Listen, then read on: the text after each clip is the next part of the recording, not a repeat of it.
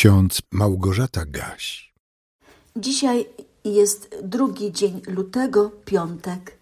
W księdze proroka Izajasza w drugim rozdziale w wersecie trzecim czytamy Pójdzie wiele ludów mówiąc Pójdźmy w pielgrzymce na górę Pana, do świątyni Boga Jakuba i będzie nas uczył dróg swoich, abyśmy mogli chodzić Jego ścieżkami.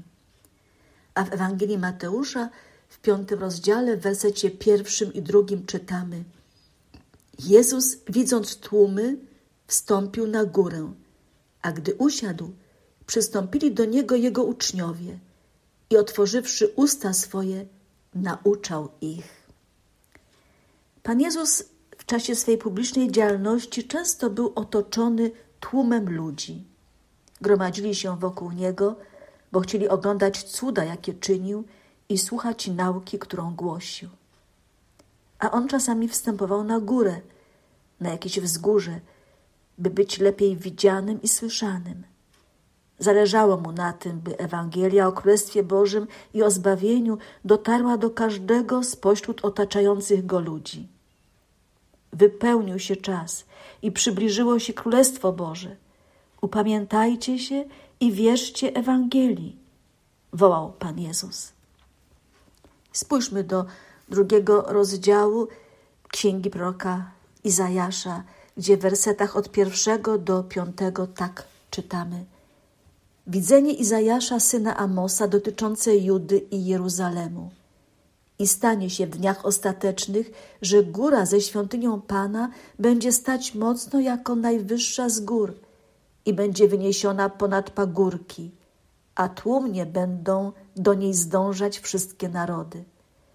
I pójdzie wiele ludów, mówiąc: Pójdźmy w pielgrzymce na górę Pana, do świątyni Boga Jakuba, i będzie nas uczył dróg swoich, abyśmy mogli chodzić i jego ścieżkami.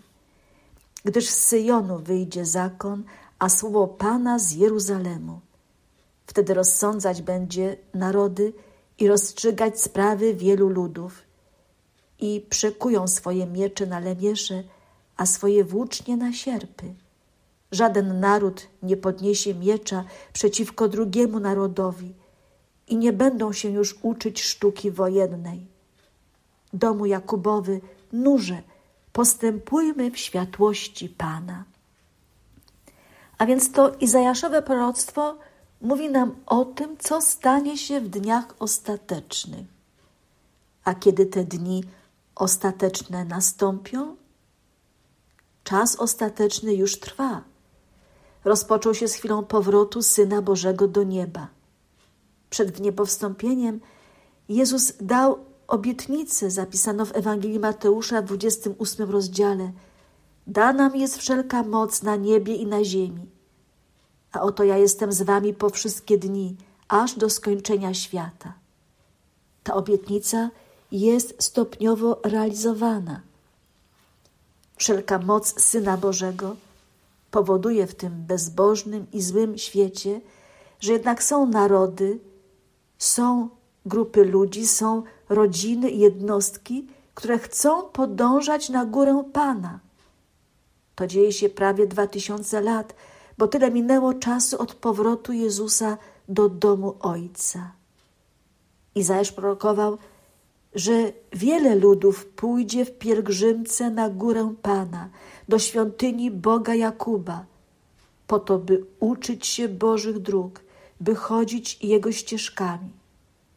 Czy domyślamy się, co prorok Izajasz miał na myśli? Od chwili zesłania Ducha Świętego, gdy apostołowie wyszli na ulice Jerozolimy i zaczęli z wielką mocą głosić Ewangelię, to się dzieje i dziać będzie aż do końca doczesnego świata. Ewangelia o zbawieniu danym nam przez Boga w Jezusie Chrystusie.